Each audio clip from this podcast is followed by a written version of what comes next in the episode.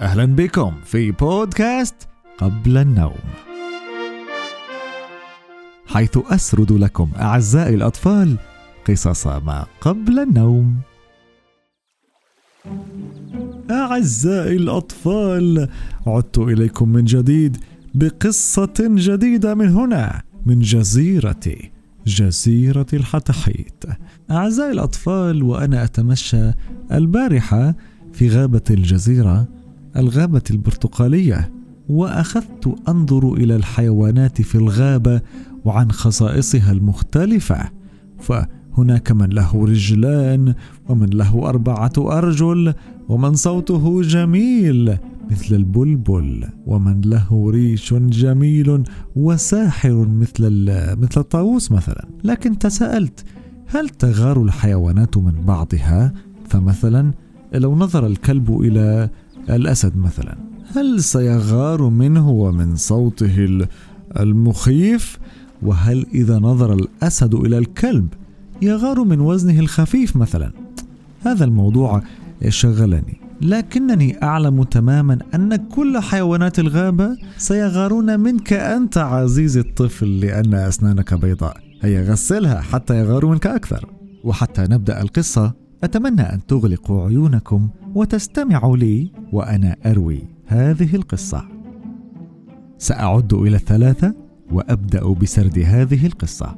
واحد اثنان ثلاثة. كان يا مكان ويا ما سيكون. قصة روتها لي جدتي.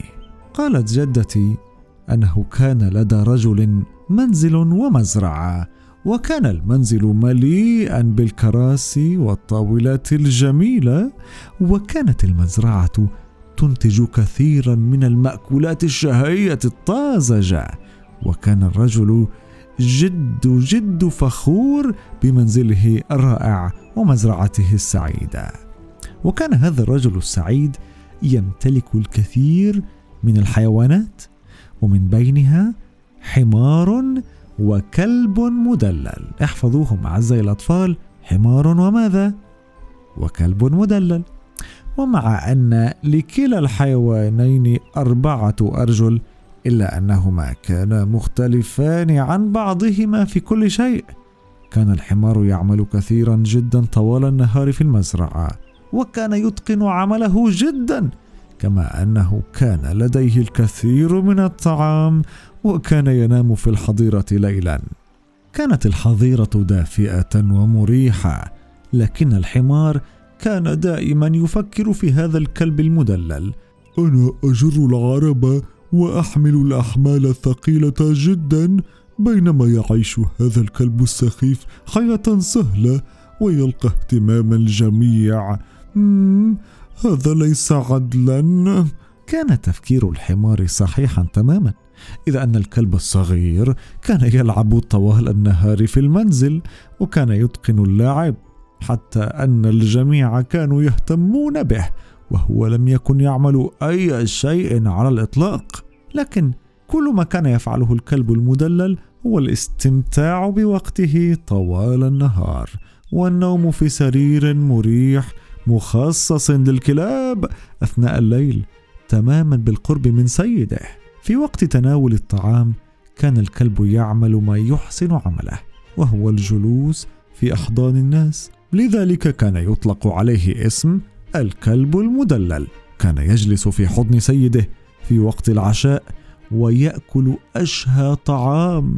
يا إلهي إنه كلب محظوظ جدا.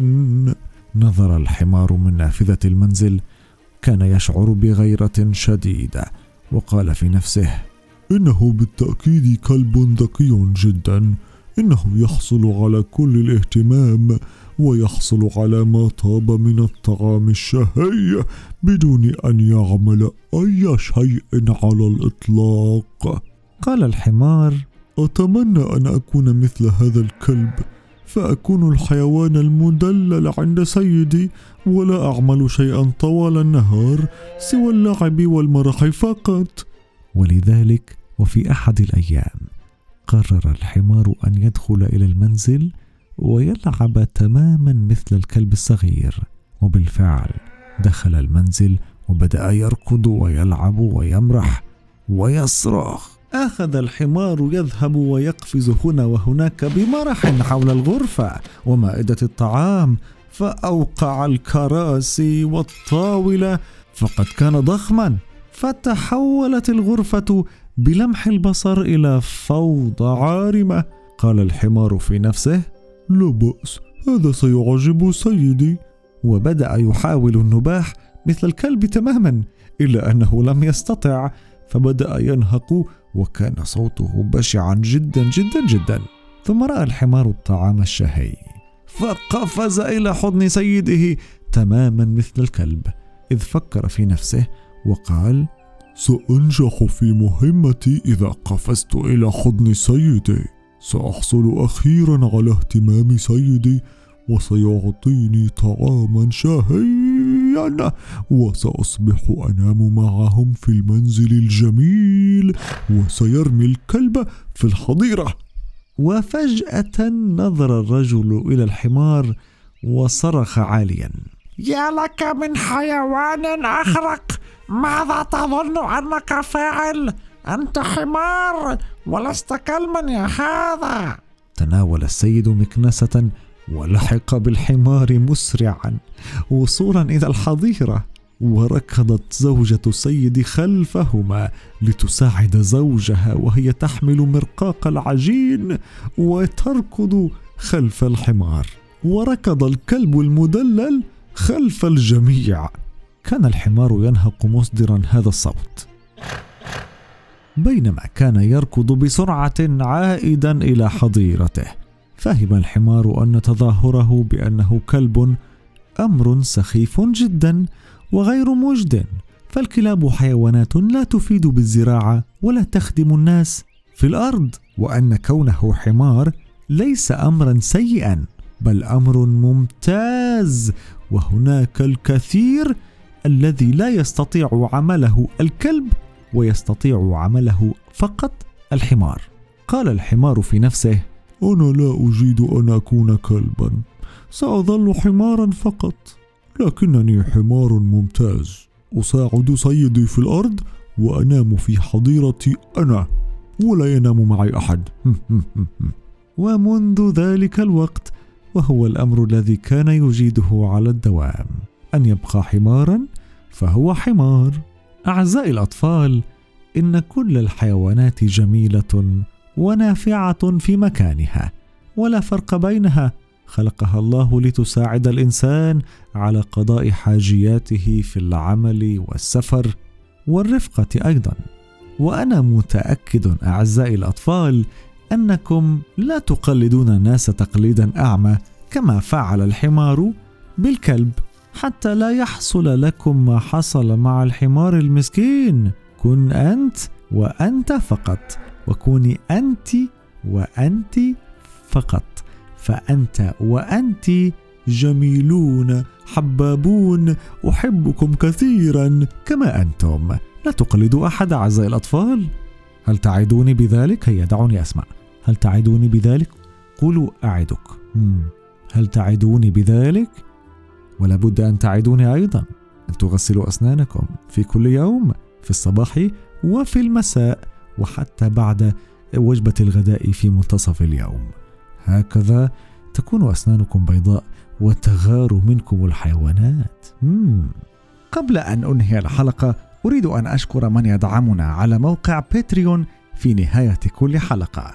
شكرا لعبد العزيز يونس. شكرا لآية حمدان.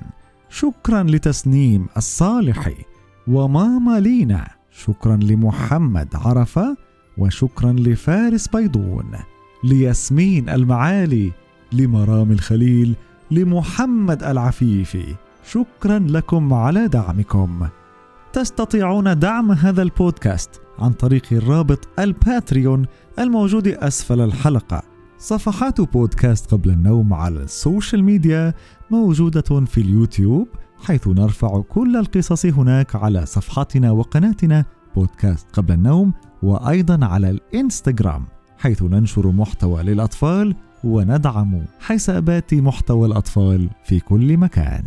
أعزائي الأطفال تستطيعون إرسال رسائلكم الصوتية التي تستمعون إليها هنا في البودكاست في نهاية كل حلقة عن طريق تسجيل رسالة صوتية على صفحة البودكاست في تطبيق أنكور الموجود في وصف هذه الحلقة.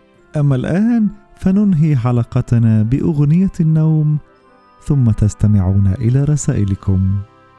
كانت هذه قصة ما قبل النوم لهذا اليوم أحلاما سعيدة. نني عيني نامي نامي عرف الحمام نني نامي عيني نام عرف الحمام. غني له يا ماما بالشيعة حسك نام.